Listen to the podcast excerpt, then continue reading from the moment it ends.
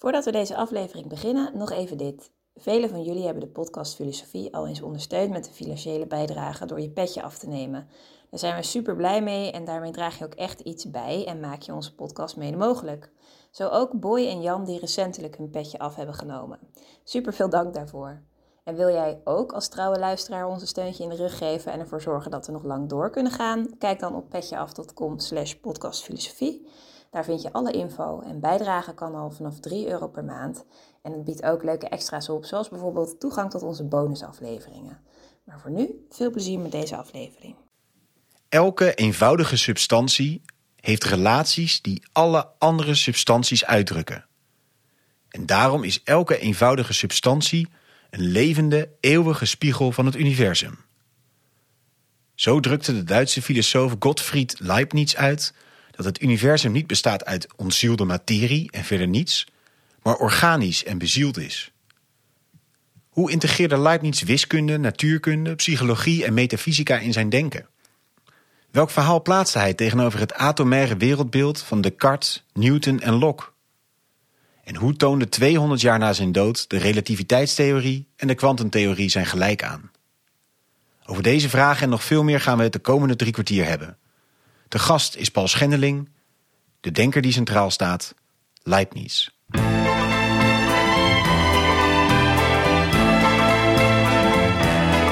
Vers les docks où le poids et l'ennui me courbent le dos. Dag, goed dat je weer luistert naar een nieuwe aflevering van de podcast Filosofie van het Centre Erasme. School voor Filosofie in Zuid-Frankrijk, Vlaanderen en Nederland. Mijn naam is Allard Amelink. Het concept van deze podcast is inmiddels wel bekend. Een hoofdgast, een presentator en een sidekick.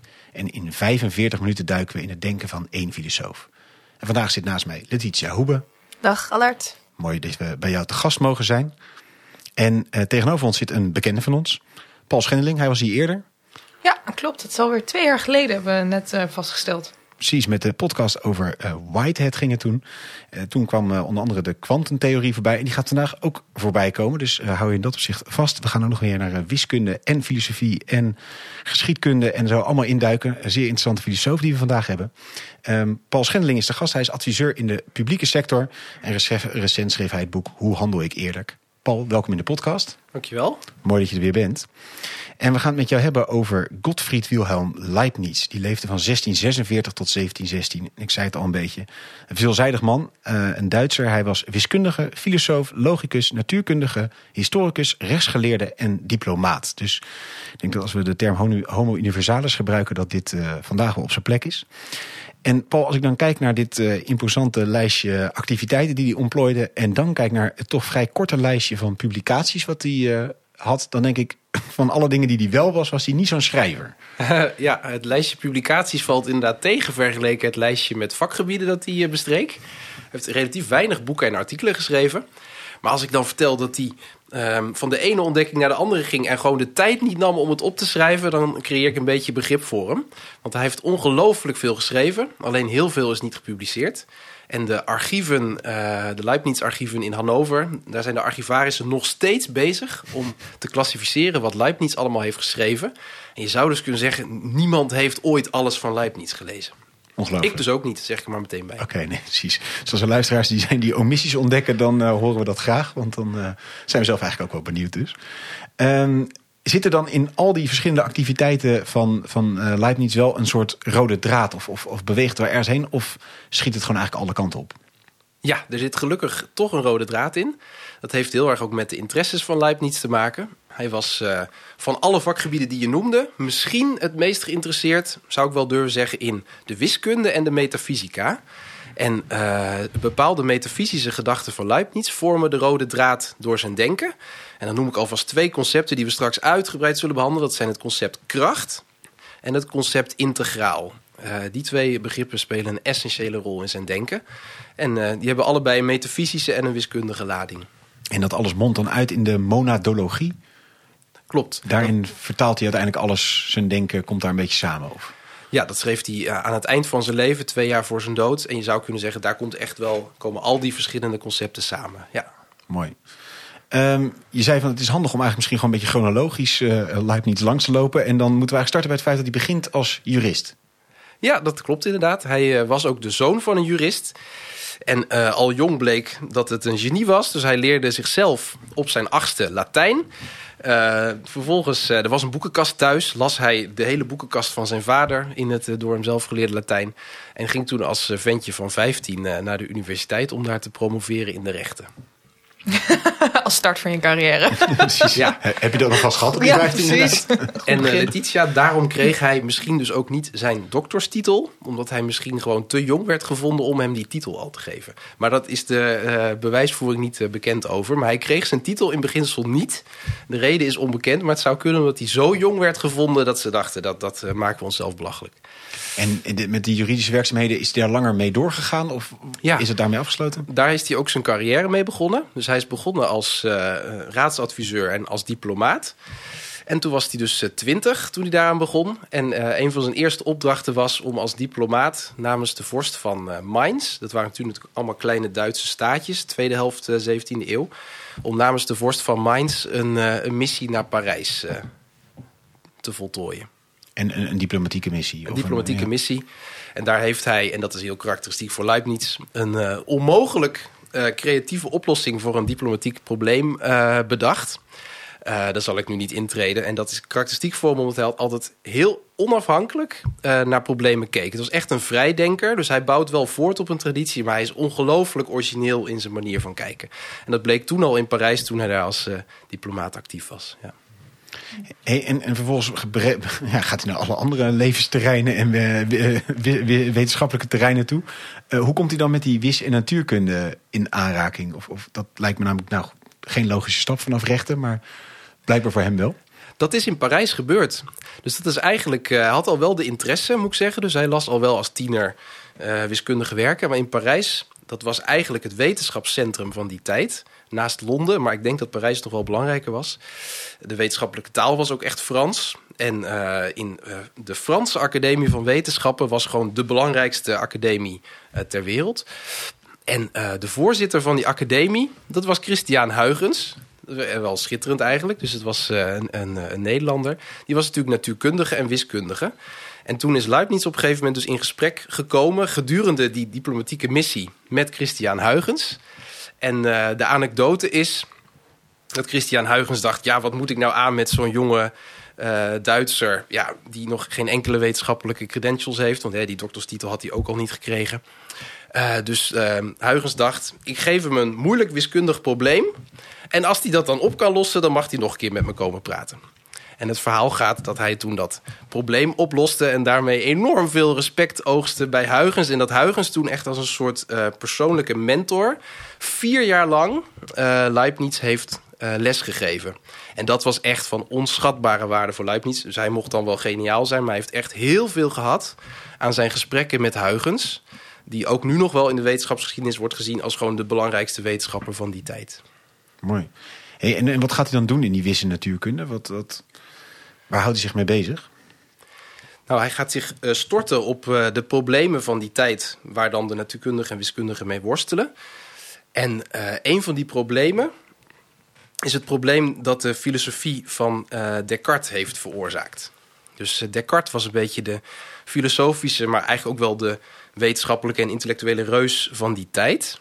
En zoals de meeste luisteraars weten, is natuurlijk het centrale onderscheid in de filosofie van Descartes dat er twee soorten eh, of twee aspecten zijn in het universum: Eh, uitgestrektheid, dus de res extensa, en eh, denken, dus de res cogitans. En een natuurkundig probleem dat dat veroorzaakt. En daar was Leibniz overigens wel weer origineel in, want hij was een van de eerste die daar pertinent aan bleef vasthouden dat dat een heel groot probleem is in het Cartesiaanse denken. Is hoe kan uitgestrektheid, als dat nou het primaire kenmerk is van materie, hoe kan uitgestrektheid beweging veroorzaken? Of waar komt dan beweging vandaan in dat Cartesiaanse wereldbeeld? Dus hij zegt ergens letterlijk, en dat vond ik wel eh, gewoon in zijn eenvoud een heel overtuigend argument. Dan zit er een heel universum met absolute ruimte. Het is volstrekt leeg, behalve allemaal kleine atomen die uitgestrekt zijn. En die liggen daar dan volstrekt dood uitgestrekt te wezen. Hoe verklaart dat de dynamiek in de natuur? Hij vond dat heel erg eh, ongeloofwaardig. En hij, hij dacht echt, daar ontbreekt iets in dat wereldbeeld van Descartes. En dat vond hij een natuurkundig probleem. Dus laat zeggen, de uitgestrektheid, dat was uh, in die tijd was dat een natuurkundige vraag. Omdat uitgestrektheid was het primaire kenmerk van materie. En nou ja, materie, dat is waar de natuurkunde zich mee bezighoudt natuurlijk. En uh, wat Leibniz toen deed, is hij trok consequent in twijfel dat uitgestrektheid het belangrijkste kenmerk is van materie. Hij zei, dat moet een ander kenmerk zijn wat belangrijker is. Want anders snap ik niet waarom de wereld om me heen zo dynamisch is. Ja, want het kenmerk van beweging ontbreekt dus. Inderdaad. Bij de uitgebreidheid dus. Dus misschien gaat hij dan meer nadruk leggen op de beweging van die uitgebreidheid. Inderdaad. Dan gaat hij helemaal op uh, verder exerceren, gaat daar onderzoek naar doen. Um, en hij wordt gezien als een groot theoreticus, maar het wil niet zeggen dat hij ook niet heel goed naar de empirie keek. Dus hij bestudeerde ook de belangrijkste empirische bewijzen van zijn tijd. En een van de uh, interessante uh, experimenten van die tijd was... wat gebeurt er bijvoorbeeld als je twee ballen tegen elkaar aanstoot? En allemaal van dat soort vragen. Of als je een bal van een toren laat vallen, wat gebeurt dan? En um, toen formuleerde hij de hypothese... dat elk materieel object een kracht in zich heeft. Dus dat je een concept kracht moet hanteren. En dat dat concept kracht uiteindelijk belangrijker is, een belangrijker kenmerk is van het fysieke universum dan uh, uitgestrektheid. Dus uitgestrektheid is een secundair kenmerk. Het is wel een kenmerk, maar het is secundair. En kracht is het primaire gegevene. En waarom dacht hij dat? En dan is het misschien goed om het even te koppelen aan die experimenten. Uh, die experimenten van die tijd lieten zien dat materie ook, uh, wat we nu noemen, inert is. Dus inertie. Dus als je die twee ballen tegen elkaar aanstoot, dan heeft die bal die aangetikt wordt, eh, die heeft echt een zetje nodig. Die is inert van zichzelf. Dat hele concept bestond toen overigens niet. En Leibniz heeft dus ook een heel belangrijke bijdrage geleverd aan het latere natuurkundige concept inertie. Uh, en hij heeft bovendien ook een wiskundige formule geformuleerd als eerste, die uh, de kracht die nodig is om die beweging voor te zetten, te beschrijven. En die wiskundige formule bestaat nog steeds, wordt nog steeds uh, als natuurkundige wet gezien. En dat is de wet van de kinetische energie. En kinetisch, dat verwijst dus naar beweging. Dus ja, je zou kunnen zeggen, Leibniz was de natuurkundige van de beweging. En hij heeft zelfs dus ook de bewegingswet en de, uh, vooral de kracht daarachter blootgelegd. En latere natuurkundigen hebben dan uh, het, het, concept energie daaraan gekoppeld. Dus hij staat een beetje aan de wieg van het latere energie. Uh, Want bij, bij, ja, ik heb naar het middelbare school natuurkunde moeten even nu ingraven. Maar dan denk ik nou bij kracht en zo aan Newtonsiaanse wetten. De, de eerste wet van Newton, de massa is traag of zoiets. Dat, is, dat gaat over bewegingsenergie. Maar dat. Ja, precies. En associeer dat dan onterecht met Newton? Of is Leibniz dus de grondlegger voor Newton daarvoor? Of hoe fout zich dat tot elkaar? Nou, dan op het moment dat je uh, het concept kracht ontwikkelt, uh, vanaf dat punt noemt Leibniz uh, de wetenschap de metafysica. Dus hij zegt eigenlijk vanaf dat punt kun je ook niet meer zeggen: ja, dit is empirisch verifieerbaar, dit is nog natuurkunde, dit is nog fysica. Hij zegt: nee, ja, kracht veronderstelt metafysica. En daarmee heeft Leibniz een heel belangrijke grens overschreden. En dat zal later weer tot kritiek, onder andere op Newton, leiden. Maar om je vraag zo rechtstreeks mogelijk te beantwoorden, want het is natuurlijk heel complex. Volgens Leibniz is kracht inherent aan de substantie. Mm -hmm. Dus je moet je voorstellen dat de wereld bestaat, maar daar komen we later nog wat uitgebreider op terug hoor, uit primaire substanties. En die uiten zich met kracht. Maar die primaire substanties hebben die kracht dus in zich. In zich. En het kost dus de ene primaire substantie kracht om de andere voor te bewegen. Dus die, dat verklaart dus en inertie en het verklaart beweging. Dat was heel knap, maar dat is metafysica volgens uh, Leibniz. Uh, ja, um, wat was die inertie nou ook alweer? Nou, het uh, concept van substantie wat Leibniz ontwikkelt als antwoord op die uitdaging van die tijd van hoe verklaar je nou dynamiek in de wereld, noemt Leibniz het concept kracht. En dan zegt Leibniz, de wereld bestaat uit allemaal primaire substanties... en die hebben allemaal als primaire kenmerk dat ze kracht in zich dragen. En dat verklaart twee dingen in één klap. Het verklaart enerzijds waarom er beweging is. En het verklaart anderzijds waarom er een grotere kracht nodig is om een andere substantie in beweging te zetten. Want die andere substantie die biedt letterlijk weerstand. En die weerstand, dat is die inertie die je gewoon wel empirisch kunt meten. Dus de inertie, dat is een, een fysisch begrip. Dat is echt wel gewoon natuurkunde. Ik, ik vermoed dat Leibniz dat ook wel natuurkunde zou hebben genoemd.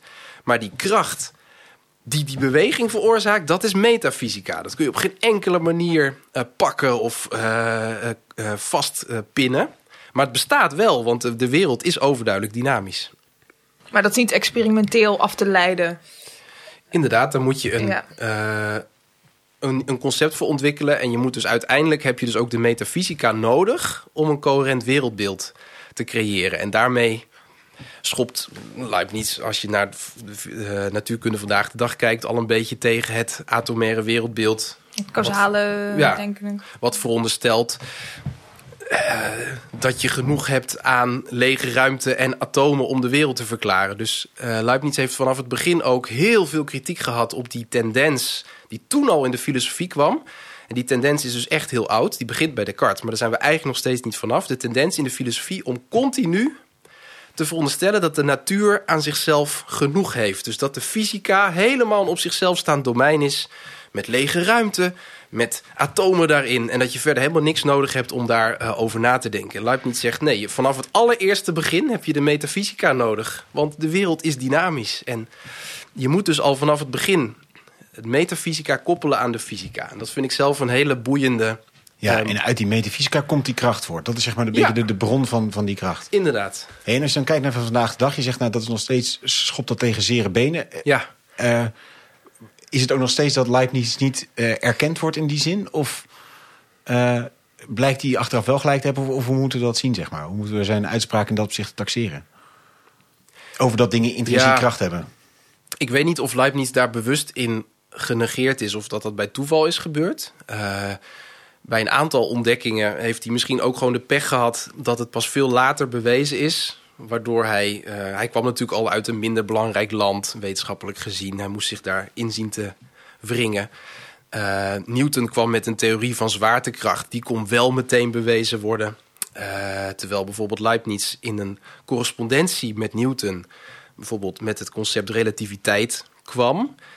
En Leibniz had de pech dat dat concept relativiteit pas veel later bewezen kon worden.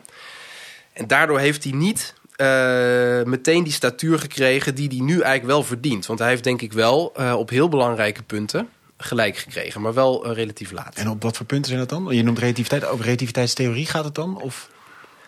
Ja, dus um, om weer terug te keren naar de oorspronkelijke vraag nou, het probleem van die tijd en het, natuurkundige probleem. Dat was dus, is nou uitgebreidheid het primaire kenmerk van het universum? Leibniz zegt nee. Maar dat, roept natuurlijk wel meteen de vraag op: wat is, wat is extensie dan wel?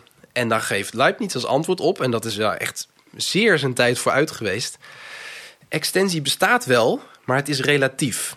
Um, dus extensie betekent er zijn verschillende primaire substanties en die kunnen naast elkaar bestaan. En dat naast elkaar bestaan, dat noemt hij dan in het Latijn cum possibilis. Dus die kunnen samen, ze zijn samen tegelijk mogelijk. Die is relatief. En als iets niet tegelijkertijd mogelijk is, dan wordt iets uitgesmeerd over de tijd. Dus als meerdere substanties niet tegelijkertijd kunnen bestaan, dan worden ze over de tijd uitgebreid. Dus tijd is ook relatief. Want als het wel tegelijk had kunnen bestaan, dan had dat ook gewoon gekund. Uh, en natuurlijk, ja, de relativiteitstheorie is pas, uh, nou laten we zeggen, twee eeuwen, tweeënhalf eeuw later door Einstein ontdekt. Ja, dus ze zijn zowel in plaats als in tijd relatief. Ja. Dat is eigenlijk wat die, die primaire substanties. Inderdaad. En wat belangrijker, een belangrijker kenmerk van die substanties is dus eigenlijk dat ze kracht in zich dragen. En daarmee uh, hoe dat hoe Leibniz dat zelf noemde, is wel heel interessant, ook voor vandaag de dag. Hij noemde dat de vis viva in het Latijn. Het vitaliteitsprincipe. Dus je kunt kracht kun je gelijkstellen aan een vitaliteitsprincipe. Dus elke primaire substantie heeft een vitaliteit in zich. Heeft dus een levenskracht, zou je kunnen zeggen. En uh, het leven is het primaire kenmerk van eh, de materiële wereld. En dat leidt uiteindelijk, zullen we straks hopelijk eh, in de podcast nog eh, tijd voor hebben, tot een, een ecologisch wereldbeeld, een organisch wereldbeeld, waarin dus het levensprincipe het belangrijkste uitgangspunt is. In tegenstelling tot, en dat noem ik dan maar even om het zo, zo helder mogelijk te maken, het atomaire wereldbeeld van uiteindelijk dode atomen. Daar stelt Leibniz een wereldbeeld tegenover van levenskrachtdragende primaire substanties. Die hij helemaal aan het eind van zijn leven monaden zal noemen. Dus daar komen we dan zo misschien nog op. Ja, en dat is nou dus eigenlijk een beetje die, om bij die eerste intuïtieve verbazing van, van Leibniz te beginnen. Inderdaad zegt hij, joh, als alles maar gewoon dode atomen zijn, hoe gaan die dan ooit bewegen? Waarom, Ja. zit er dan, waarom is er dan leven? Ja, En dat is eigenlijk dus wat hij zegt, dat is een soort metafysische kracht die erin komt. En met de relativiteitstheorie wordt dat ergens zijn intuïtief aangevoelde incorrectie bij de uh, Newtonsiaanse denken wordt daarmee bevestigd. inderdaad. Dus dat Newton het gewoon niet bij het rechte einde had op dat punt.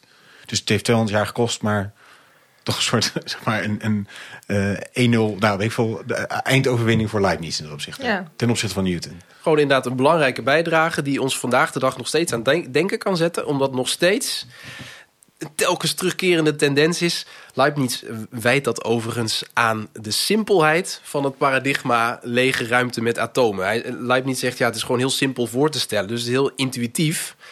Maar hij vindt het niet ehm, een goed onderbouwd wereldbeeld. Dus het, het moet uiteindelijk wijken voor een beter onderbouwd wereldbeeld. Ja. Hey, dit is allemaal natuurkunde waar hij nou dus een beetje die metafysica eh aan koppelt inderdaad. Eh, en dat maakt het misschien ook net lastiger. Ehm, en hij heeft ook nog de wiskundig. Is die belangrijk met de integraal? Is daar een belangrijk eh, principe in wat hij ontdekt? Of als eerste goed uitwerkt?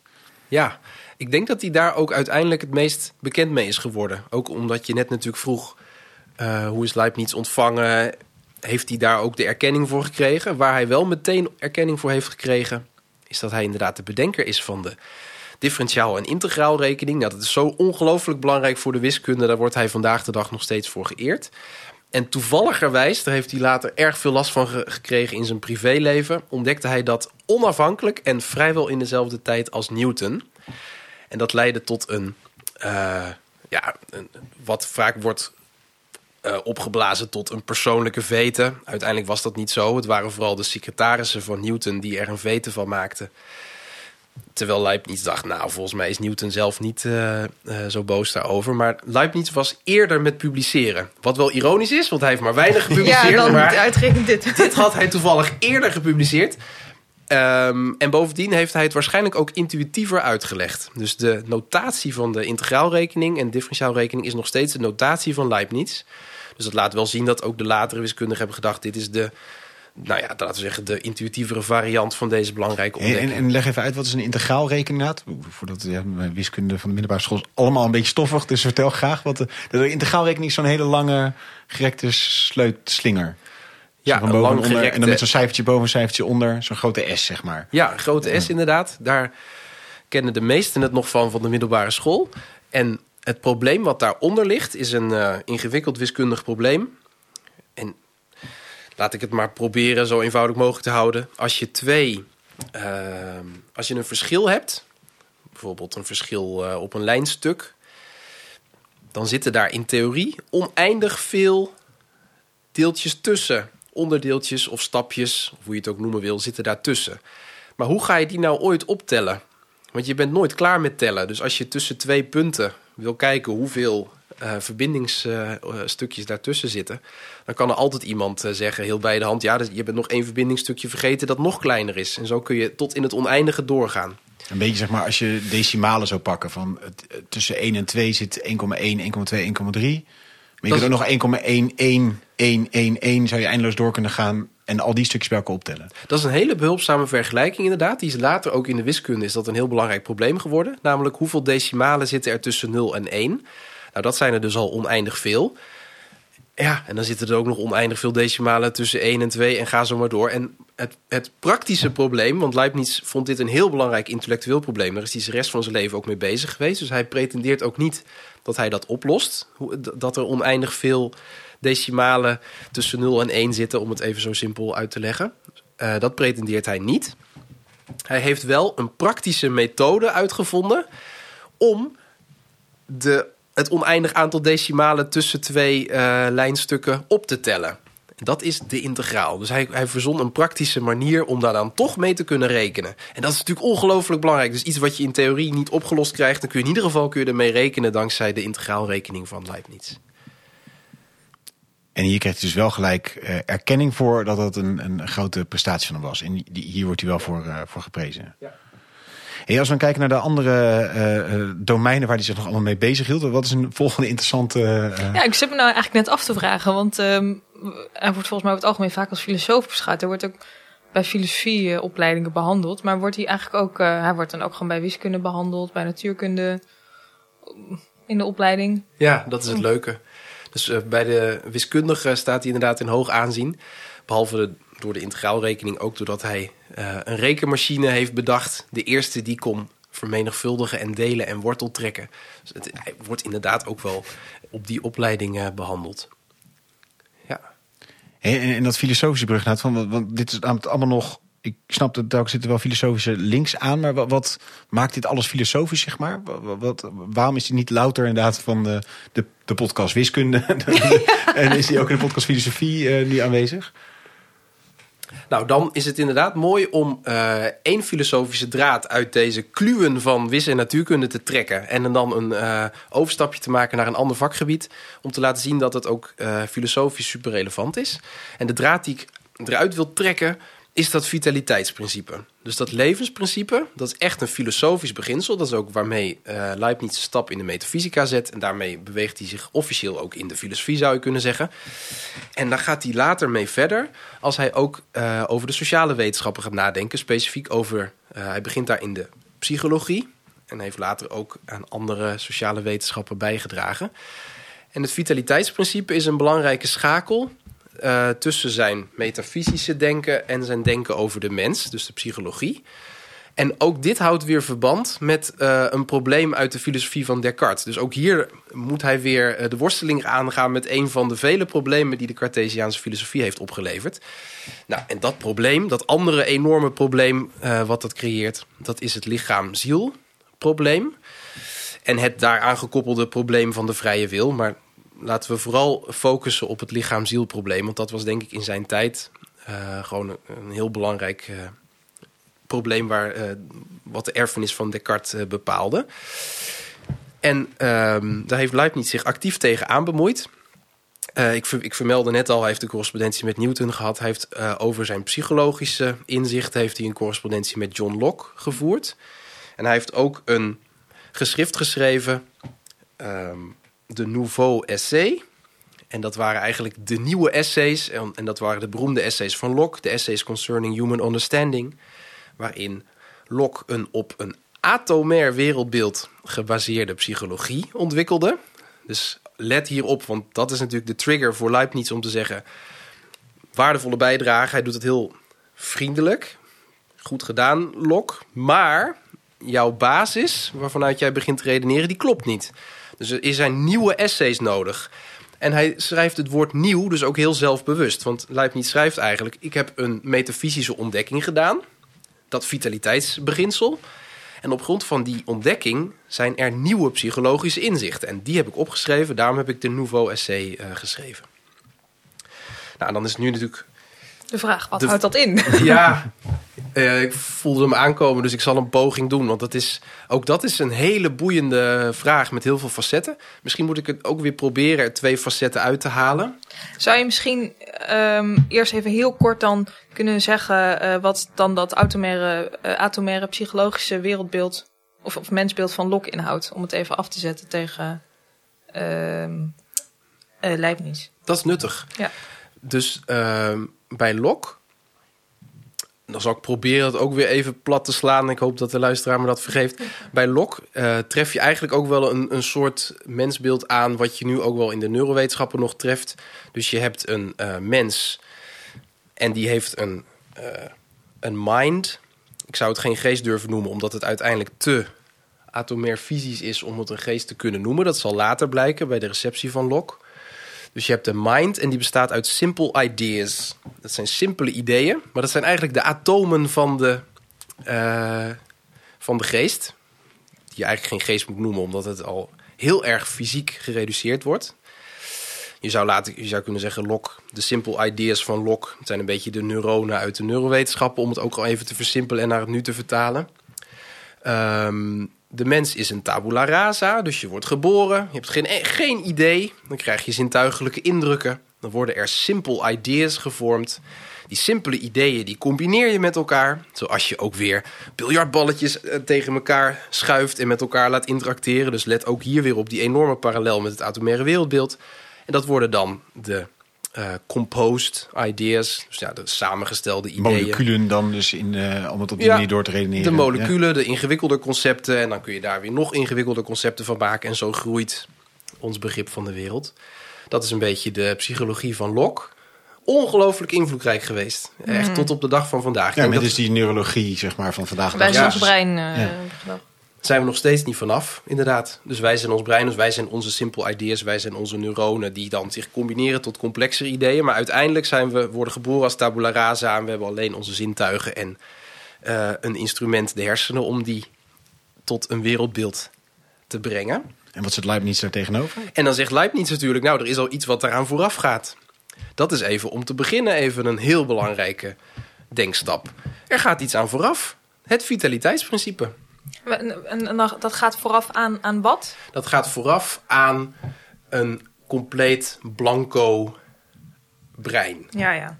Dus volgens Locke word je echt als blanco brein geboren, de tabula rasa. En Locke zegt natuurlijk dat is onzin. We worden niet als tabula rasa geworden, we worden als ziel uh, geboren. Want het levensprincipe is natuurlijk, als je dat in psychologische termen zou moeten uitleggen, wat is een levensprincipe anders dan een ziel? Dus wij zijn bezield vanaf onze geboorte. Dat is waar Leibniz begint. Maar ja, dat... eigenlijk ook weer parallel aan, aan die natuurkundige inzicht van... Joh, je kunt niet gewoon alleen maar atomen hebben, daar moet iets van bezieling in zitten. Dat is dat concept kracht of die eerste vitaliteit. Zo ook met je geest, dat is Ja. niet... Of je, je, je, je denken is niet een dood herseninstrument, maar is een, ja, een bezield iets. Waar Ja. ook een kracht in zit. Ja. En hier zit dus die connectie. Dus ondanks dat het ingewikkeld is hoe Leibniz door die vakgebieden heen zich beweegt, zit er dus een heel belangrijk verbindend element. En dat is inderdaad het vitaliteitsprincipe eh, in de natuurkunde. Maar dat is dus het startpunt van de psychologie, waarbij een ziel aan, het, aan de wieg staat van ieder mens. En de, de, de ziel als het eh, onsterfelijke principe waar het menselijk leven mee begint. Dus dat is denk ik één heel belangrijk verschil al eh, met Locke. En dat verschil is eigenlijk alleen maar groter geworden omdat we later, ja, ik zou bijna zeggen, zijn atomair geradicaliseerd. Dus we hebben daarna de wereld nog kaler en doodser en eh, atomistischer gemaakt dan het in de tijd van Locke al was. Want eh, voor Locke was er wel degelijk nog een, een god, maar op grote afstand.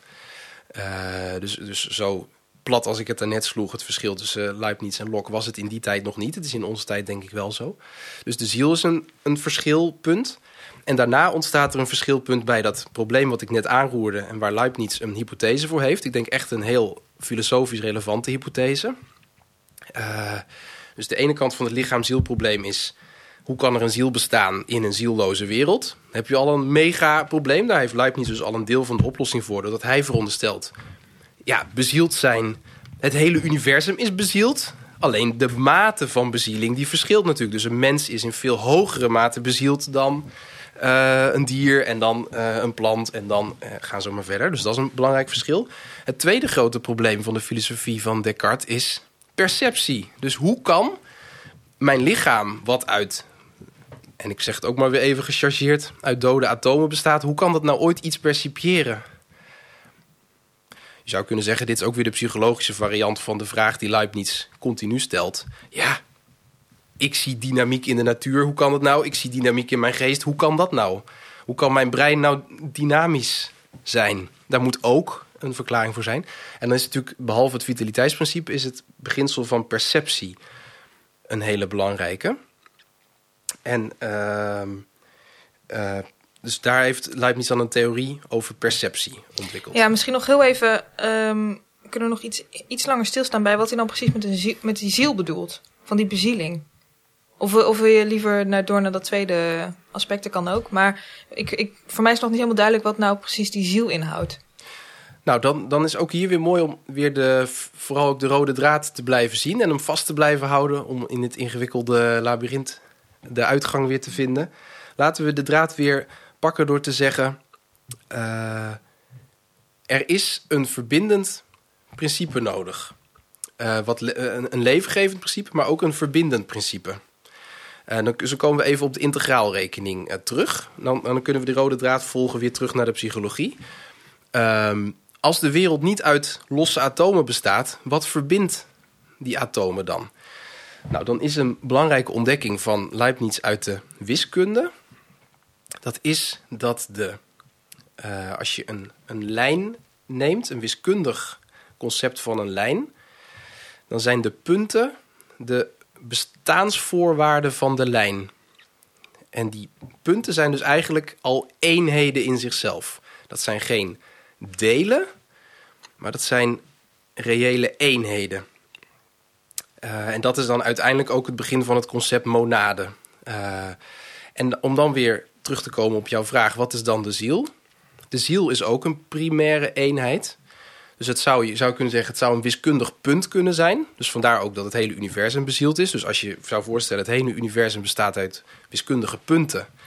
Maar die punten zijn allemaal een integraal van de rest van het universum.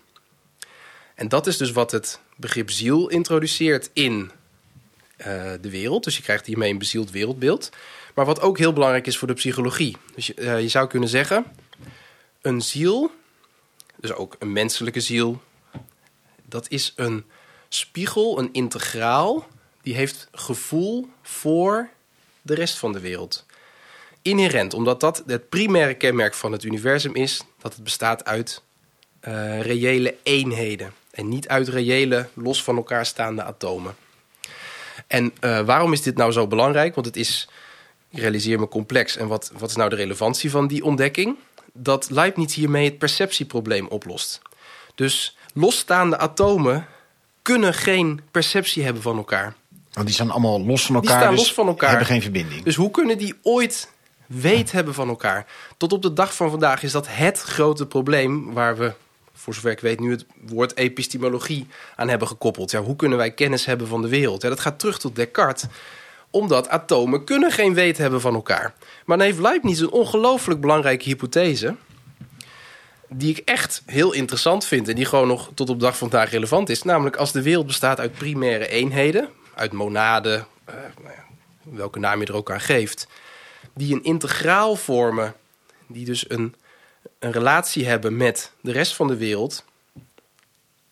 dan verklaar je perceptie. En, en we Maar, staan... en, je zegt een primaire eenheid, maar dat, dan denk ik in mijn hoofd gelijk aan atomen. Maar dat is het dus niet, want dat is juist zeg maar het, het atomaire wereldbeeld. Maar wat, Ja. waarin verschilt dan die primaire eenheid van die atoom? Is dus dat die primaire eenheid, die monade, in verbinding staat met de rest.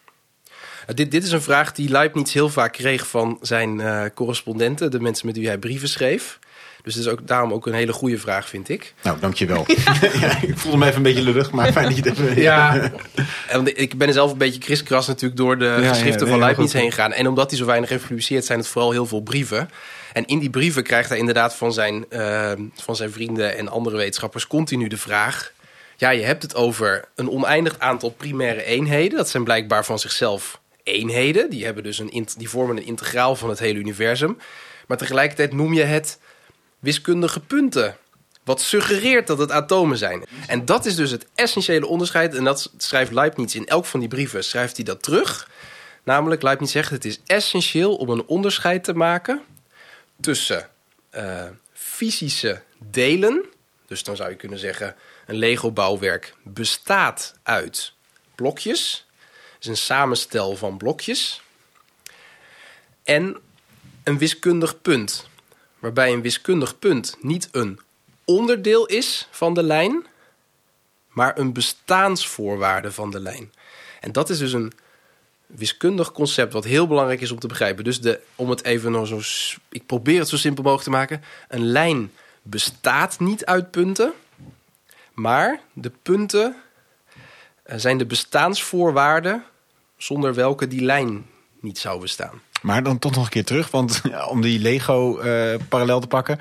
Een Lego kasteel bestaat niet zonder de bouwstenen.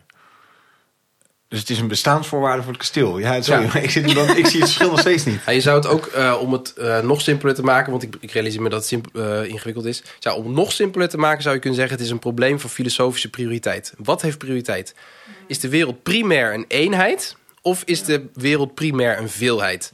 Als je een eh, fysisch wereldbeeld hebt, dus je zegt het fysieke is het primair in deze wereld, dan is de wereld primair een veelheid. Namelijk allemaal atomen, dat zijn er een heleboel. Als je zegt, zoals Leibniz, de wereld bestaat primair uit primaire eenheden, dan is dus ook de wereld primair een eenheid. En elk wiskundig punt is een perspectief op de eenheid. Dus we, zouden, we zitten in Utrecht. Utrecht is een eenheid, is één stad. En elk van de inwoners van Utrecht heeft een ander perspectief op die stad. Omdat hij letterlijk op een, vanuit een andere hoek, vanuit een ander gezichtspunt naar die hele stad kijkt. Maar Utrecht is primair een stad, een eenheid. En Leibniz zou ook zeggen, waarom spreken we anders van universum? Dus eh, impliceren we daar niet al mee dat de wereld primair een eenheid is? En hij zegt, nou het enige wat ik doe is, ik vertaal dat logisch door. En ik ga niet meer uit van een primaire veelheid, maar van een primaire eenheid. En dan zijn we weer terug bij het probleem waar we nu zitten natuurlijk, namelijk van perceptie. Dus als de wereld primair een eenheid is, dan zijn er dus ook relaties tussen alle gezichtspunten in het universum. En dat betekent dus dat ook ik door mijn gevoel ja, letterlijk in verbinding sta met de rest van de wereld. Waarbij mijn gevoel voor mijn naaste omgeving natuurlijk veel sterker is. Dus Leibniz zal dus ook in zijn psychologie, eh, waar we nu een beetje zijn aanbeland, in zijn psychologie zal hij dus ook zeggen: in principe hebben we gevoel voor de hele wereld, maar dat gevoel is eh, van zichzelf confuus voor een eindig wezen zoals eh, als mensen. Wat bedoel je daarmee met confuus? Met confuus bedoel ik dat als we bijvoorbeeld de zee horen, dat gebruikt Leibniz zelf als metafoor. In principe, dat is een prachtige metafoor, hoor je in het ruisen van de golven, hoor je de hele oceaan. Dus je staat qua perceptie in verbinding met de hele oceaan. Maar in je oren en van wat je ervan kan maken en conceptualiseren is het één ruis. Een eh confuus, nou, laten zeggen letterlijk door elkaar heen stromen van perceptie. Dus hij zegt eigenlijk letterlijk, er zijn petit perception. Ik zeg het in het Frans omdat hij de Nouveau Essai in het Frans schreef. En in de psychologie is het later dus ook op die manier beschreven. De petit perception, de druppels van onze perceptie, die vormen samen dus ook letterlijk een zee van perceptie. En dat wordt dan één gevoel. Dus bij eh, bezielde wezens zoals de mens. Mensen zijn gevoelswezens. Dus wij zijn. eh gevoel door ons heen. Dus primair is de mens een gevoelsmens. En dan gaan we daarna proberen in die stroom wat dammetjes te zetten en concepten te maken om de stroom te begrijpen. Eh, eh, en als ik mag, dan kan ik nu ook weer het verschil met Locke aanduiden. Dus Locke zegt, we zijn tabula rasa, simple ideas, die gaan we een beetje samenstellen, et cetera. En dan zegt Leibniz, wij zijn één oceaan van gevoel. Dus niks tabula rasa, we zijn juist bezield en we zijn één en al gevoel voor de rest van de wereld. En wij proberen in die verwarrende gevoel, gevoelens, in ons verwarrende gevoelsleven, proberen wij met concepten enige grip te krijgen op ons complexe gevoel. Ja, helder. Het is inderdaad mooi wat je zegt. Het een verschil van be- begin je bij de kleine bouwsteentjes of begin je bij het grote totale eh, geheel. En het grappige is natuurlijk denk ik dat je in je dagelijkse perceptie altijd het geheel ervaart en helemaal niet al die deeldeeltjes. Dus dat is een. eh Hey, omwille van de tijd moeten we denk ik monadologie, monadologie eh, nog even pakken. En ik ben benieuwd naar de, de actualiteit. Maar eh, komen, zijn we nu eigenlijk al bij die monadologie terechtgekomen of niet? Want je noemde net die term al, die monades. Dat zijn dus dan die bouwstenen die niet atomen zijn, maar in verbinding staande onderdelen, spiegels van het gehele totaal. Eh, eh, Pak ik hem zo? Of Mooi samengepakt. Ja, want we hebben eigenlijk alle.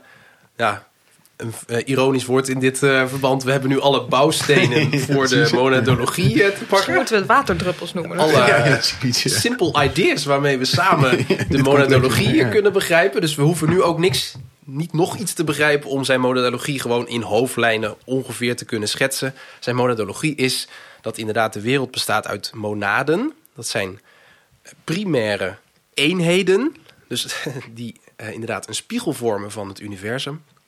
Die hebben allemaal gevoel. Uh, en wel in een gradatie. Dus er zijn monaden met een heel erg rudimentair gevoel. En er zijn monaden met een uiterst verfijnd gevoel. En er zijn monaden die er heel goed in zijn om die gevoelens te categoriseren. En uh, nou, dat zijn mensen met verstand. En voor Leibniz is daar het geheugen heel belangrijk in. Dus wezens met geheugen, die kunnen dus ook in die zee van gevoel uh, wat orde proberen te scheppen. Op basis van eerdere concepten en herinneringen. En hij zegt dus eigenlijk ook: de wereld is primair geestelijk. Dus de wereld bestaat primair uit zielen die met elkaar verbonden zijn. En de fysieke wereld is daar een uitingsvorm van.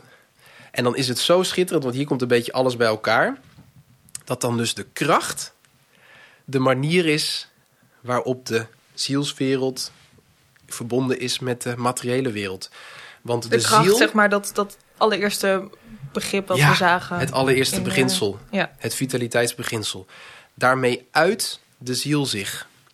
Dus we zijn met oneindig veel zielen in het universum. En die uiten zich met hun vitaliteit. Dus het zijn allemaal levende uh, wezens. En die uitingsvormen, dat is de materiële wereld. Dus die komt bij Leibniz consequent op plek 2. En hij heeft daar notabene belangrijke natuurkundige wetten van blootgelegd. En was ook empirisch onderlegd. Dus hij was niet anti-natuurwetenschappelijk uh, wereldbeeld. Maar hij zette dat consequent op plek 2. Dus de uh, fysieke wereld is een uitingsvorm van de geestelijke wereld. En de wereld bestaat uit monaden. En die uiten zich allemaal. En uh, dat uit zich dan fysiek. En door kracht, dus En door, dat vitaliteit. eh, Ja. ja. Hey, en je zegt nou, dit is natuurkundig uh, te onderbouwen, zeg maar. Hier komt de kwantumtheorie dan ook nog even om de hoek, toch? Uh, om in de categorie van uh, recente re definitieve rehabilitaties van Leibniz. Dus op het moment dat de kwantumtheorie uh, geformuleerd wordt, is er een andere belangrijke filosoof over wie we die eerdere aflevering hebben gemaakt, Whitehead. En Whitehead probeert dan weer chocola te maken van die nieuwe ontdekkingen. Net zoals Leibniz chocola probeerde te maken van de ontdekkingen van zijn tijd. En dan grijpt Whitehead terug op Leibniz. Haalt hem eigenlijk ook een beetje uit de. Uh, De mottenballen. uit de Vergetelheid, mottenballen, maar ja. uit de vergetelheid, maakt hem weer relevant voor de 20e eeuw en zegt dan eigenlijk: ja, um, de wereld bestaat uit kwanta, actieve kwanta, dus quant, quanta of action. En dan heeft hij natuurlijk helemaal voortgebouwd op die monaden. Hij geeft er uiteindelijk andere namen aan, en, uh, maar het, het, het, is echt wel heel erg gebaseerd op uh, het idee van Leibniz. En je Want zou... ook in die kwantumtheorie zit toch dat idee van dat de wereld geest is en die fysieke wereld daar een uiting van is. Inderdaad. Dat, dus precies, dus dat is inderdaad niet uh, slechts bedacht, zeg maar, maar vandaag de dag state of the art beta-inzicht. Inderdaad. Zeg maar. Vandaag de dag super relevant nog steeds. Komt steeds meer, komt daarover, wordt daarover bekend. En we kunnen dus als het ware steeds meer teruggrijpen op dat wereldbeeld van Leibniz. En wat dan het onderscheidende verschil is, is dat het organisch is. Een organisch wereldbeeld waarin dus de verschillende monaden door gevoel met elkaar verbonden zijn. En uh, dat is trouwens precies wat nu in de kwantumtheorie ook bewezen wordt. Dat ook kwanta die op grote uh, elementaire deeltjes die op grote afstand van elkaar staan, zijn op de een of andere manier met elkaar verbonden. En dan zou Leibniz zeggen, ja, dat zijn de petite perceptions. Uh, Whitehead zou zeggen, dat is de stroom van gevoel, die belangrijker is, die primair is, die geestelijk is. En waar dan de fysieke wereld een uitingsvorm van is. Whitehead re rehabiliteert dus dan uh, Leibniz, of, of, trekt hem uit de mottenballen, zeiden we net. En zie je ook dat er een toenemende interesse voor Leibniz is? Of begint hij ook in de atomaire wereld wat meer uh, op te komen? Of blijft het een beetje een, een obscuur figuur in die zin? Uh, Whitehead trekt hem in de Anglo-Saxische wereld uit de mottenballen. Uh, gelukkig voor Leibniz is hij in de continentale filosofie, met name in de Duitse filosofie, is het, nog, is het altijd een intellectuele reus geweest. En alle andere Duitse filosofen moesten zich verhouden tot Leibniz.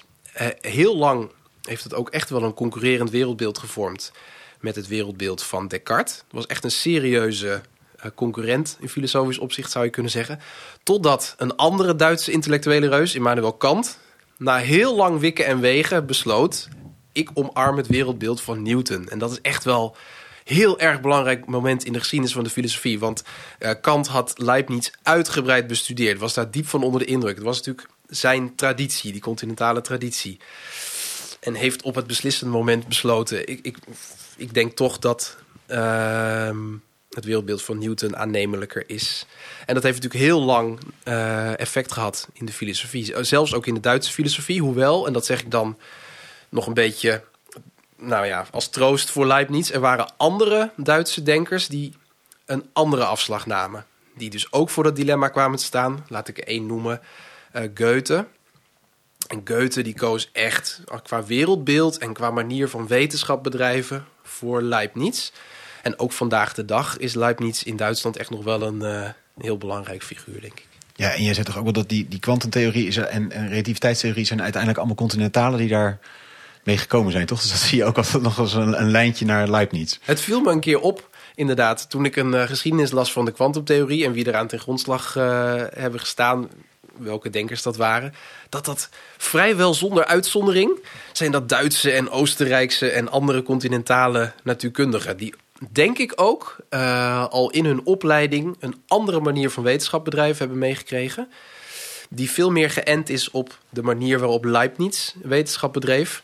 En het is natuurlijk heel moeilijk om dat kort samen te vatten. Wat is nou het verschil? Maar als ik dan toch een poging moet doen, dan is het dat dus bij Leibniz de uh, wetenschap vanuit een organisch wereldbeeld bedreven wordt. Waarbij dus de onderlinge verbindingen heel belangrijk zijn. En wat heeft dat voor effecten? Nou, talloze uh, implicaties heeft dat. Bijvoorbeeld dat context heel belangrijk is. En ik denk dat dat tot op de dag van vandaag iets is wat de uh, uh, continentale manier van wetenschap bedrijven onderscheidt van de Anglo-Saxische manier van wetenschap bedrijven. Ook hier sla ik het maar weer even plat. Anglo-Saxische manier van wetenschap bedrijven is analytisch de deeltjes onderscheiden, van elkaar loszien. En de continentale manier van wetenschap bedrijven is ja, er zitten al onderlinge verbanden. En die moet je in hun context zien, want door gevoel zijn al die levende wezens al met elkaar verbonden. Dus je kunt niet een conclusie uit de ene context zomaar transponeren naar een andere context. Want het kan in die context met een ander gevoelsleven totaal anders uh, zijn. En dat is misschien iets waar de wetenschap vandaag de dag nog steeds iets aan kan hebben. Mooi. Dankjewel, Paul. Uh, het was wel een uh, breinkraker. Dat was toen met White het ook. Dat ja. je een beetje van die meerdere... Uh, compleet buiten de beka bekende kaders moet denken. Wat het moeilijk maakt, gecombineerd met best wel ja, beta-inzichten... waarvan in ieder geval ik... nou, die moesten bij mij ook even uit de bottenbal. Ik weet niet hoe, hoe dat bij jou was, Letitia. Hoe jouw beta-kwaliteiten waren. Ja, die zijn nog niet zo goed. Dus okay. ik ben ook moe nu. goed, dankjewel, Paul. Het was wel echt buitengewoon interessant. We hebben het gehad over Leibniz... Uh, een man die uh, een homo universalis genoemd kan worden, want hij begon als jurist, promoveerde op zijn vijftiende, kwam via Christian Huygens in contact met de wis- en natuurkunde. En daar zie je al twee dingen. Hij genoot van die complexe vraagstukken waar hij dan met briljante antwoorden op kan. en een van de grote vragen waar hij zich over boog was de Cartesiaanse vraag, de vraag van Descartes van uh, klopt het nou dat uitgestrektheid en denken de twee basissen van de wereld zijn? Nou, uh, Leibniz voelde een beetje aan van dat kan niet, want waar komt dan beweging vandaan? Als alles dode materie is, dode deeltjes en denken, hoe kunnen die dingen dan leven? En dus komt Leibniz met het concept kracht, vitaliteit. Elk materieel object heeft primair kracht en die uitgebreidheid is secundair. En um, wat hij dan doet, is hij, hij koppelt dat aan de natuurkunde, maar maakt eigenlijk van die kracht een soort metafysisch oerbeginsel. Dus dat, dat begint voordat de uitgebreidheid er is. Existentie bestaat, maar is relatief. En ook plaats en tijd worden in zijn uh, natuurkundige uh, beeld relatief. Iets waarmee hij eigenlijk dus zijn, zijn tijd ver vooruit was, omdat dat 200 jaar later door uh, Einstein in de relativiteitstheorie wordt, wordt geduid. Het levensprincipe staat dus centraal. En dat is dus echt haaks op dat atomaire wereldbeeld. Wat nou dus eigenlijk leeg en kil en doods is. Met losse deeltjes die elkaar botsen. Nee, het is een bezielde wereld met kracht. Um, waarom wint Newton nou in de beeldvorming? Gaat ook Kant met Newton aan de haal? Ja, waarschijnlijk omdat het ook gewoon een stuk makkelijker is. Simpeler te begrijpen, wat eenvoudiger is... in plaats van dit wat complexere idee van, uh, van Leibniz. Dat vanuit zijn natuur en wiskunde met dus een duidelijke uh, natuurkunde met een duidelijke slag richting uh, uh, ook de metafysica. En daarnaast heette de integraalrekening vanuit de wiskunde, iets waar die in de wiskunde nog steeds voor ge geprezen wordt. maar wat eigenlijk een beetje samengevoegd met dat vitaliteitsprincipe één totaal gaat vormen. We zijn er vervolgens wat doorgegaan op de sociale wetenschappen, op de psychologie. En kwamen eigenlijk zo steeds meer in die totaaldenken van, van Leibniz uit, van die monadologie. Namelijk die tegenstelling lichaam-ziel.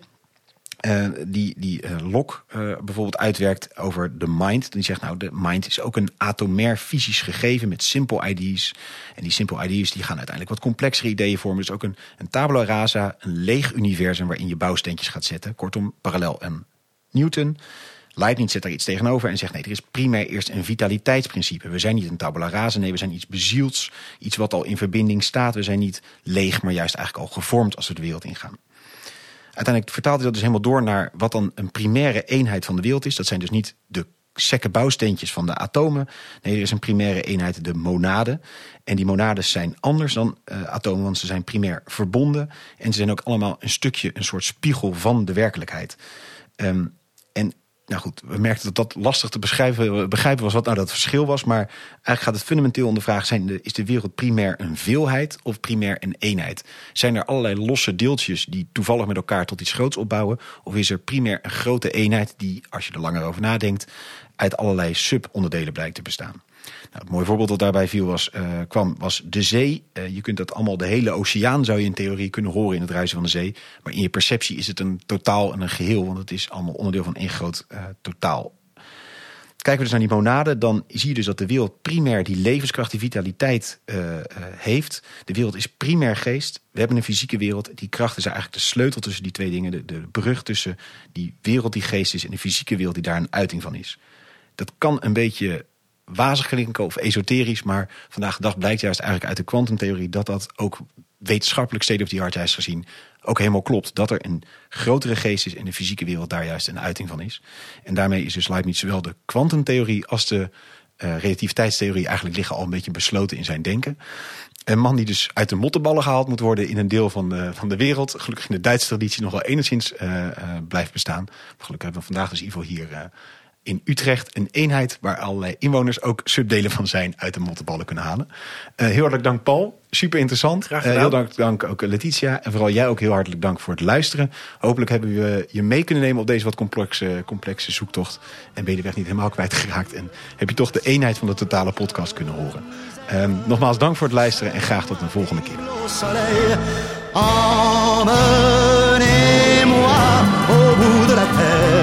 Emmenez-moi au pays des merveilles. Il me semble que